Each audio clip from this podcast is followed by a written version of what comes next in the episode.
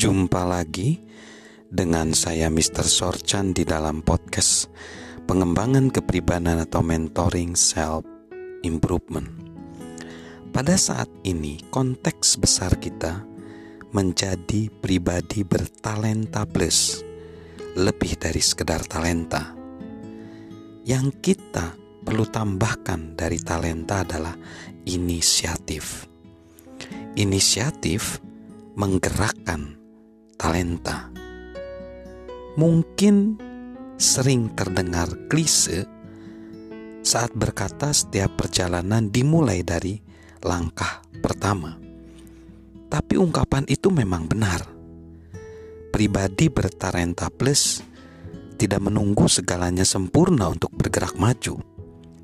Mereka tidak menunggu lenyapnya semua masalah dan penghalang mereka tidak menunggu ketakutannya mereda. Mereka mengambil inisiatif. Mereka mengetahui rahasia yang dipahami para pemimpin yang baik.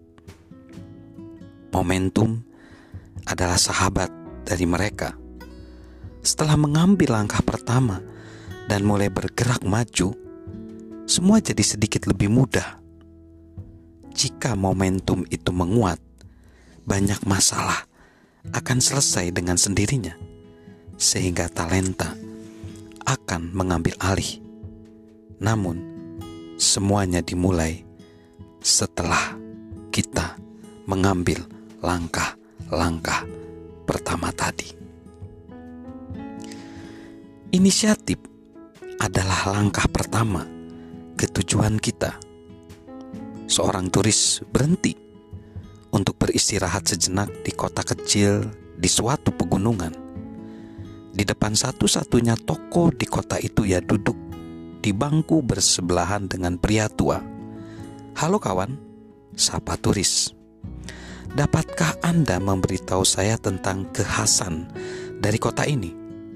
Oh, Anda bisa mulai dari sini dan pergi ke seluruh dunia sesuka Anda. Jawab pria tia Jawab pria tua itu setelah ragu-ragu sejenak. Inisiatif dapat dimulai dari mana pun. Tujuan hidup kita tidak ditentukan oleh di mana kita memulai, melainkan apakah kita memulainya.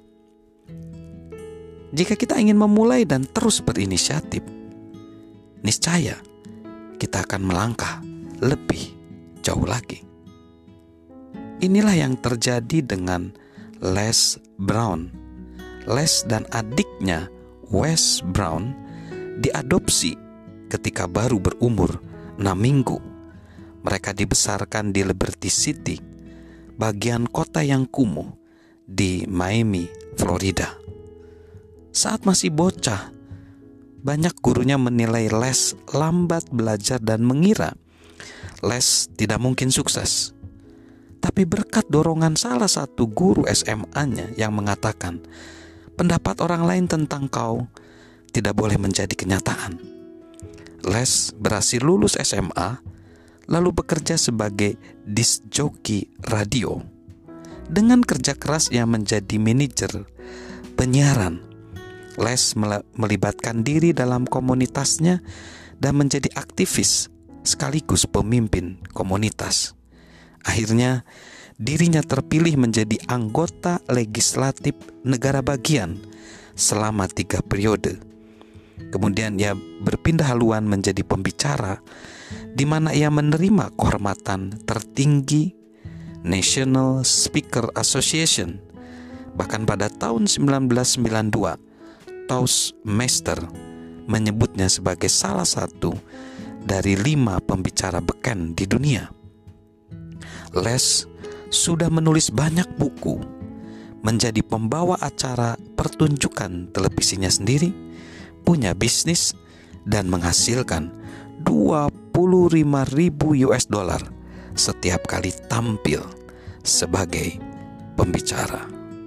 Wow, ini kalau 20 saja berarti hampir 300 juta ya kalau dia tampil sebagai pembicara.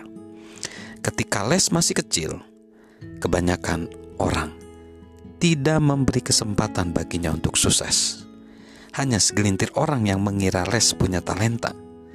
Namun, Les terus bergerak maju dan jauh melampaui orang yang meremehkannya. Orang sukses memulai dan meneruskannya.